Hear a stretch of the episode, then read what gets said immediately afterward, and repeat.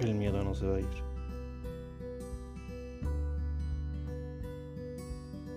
Pero a veces llega dispuesto a ayudar.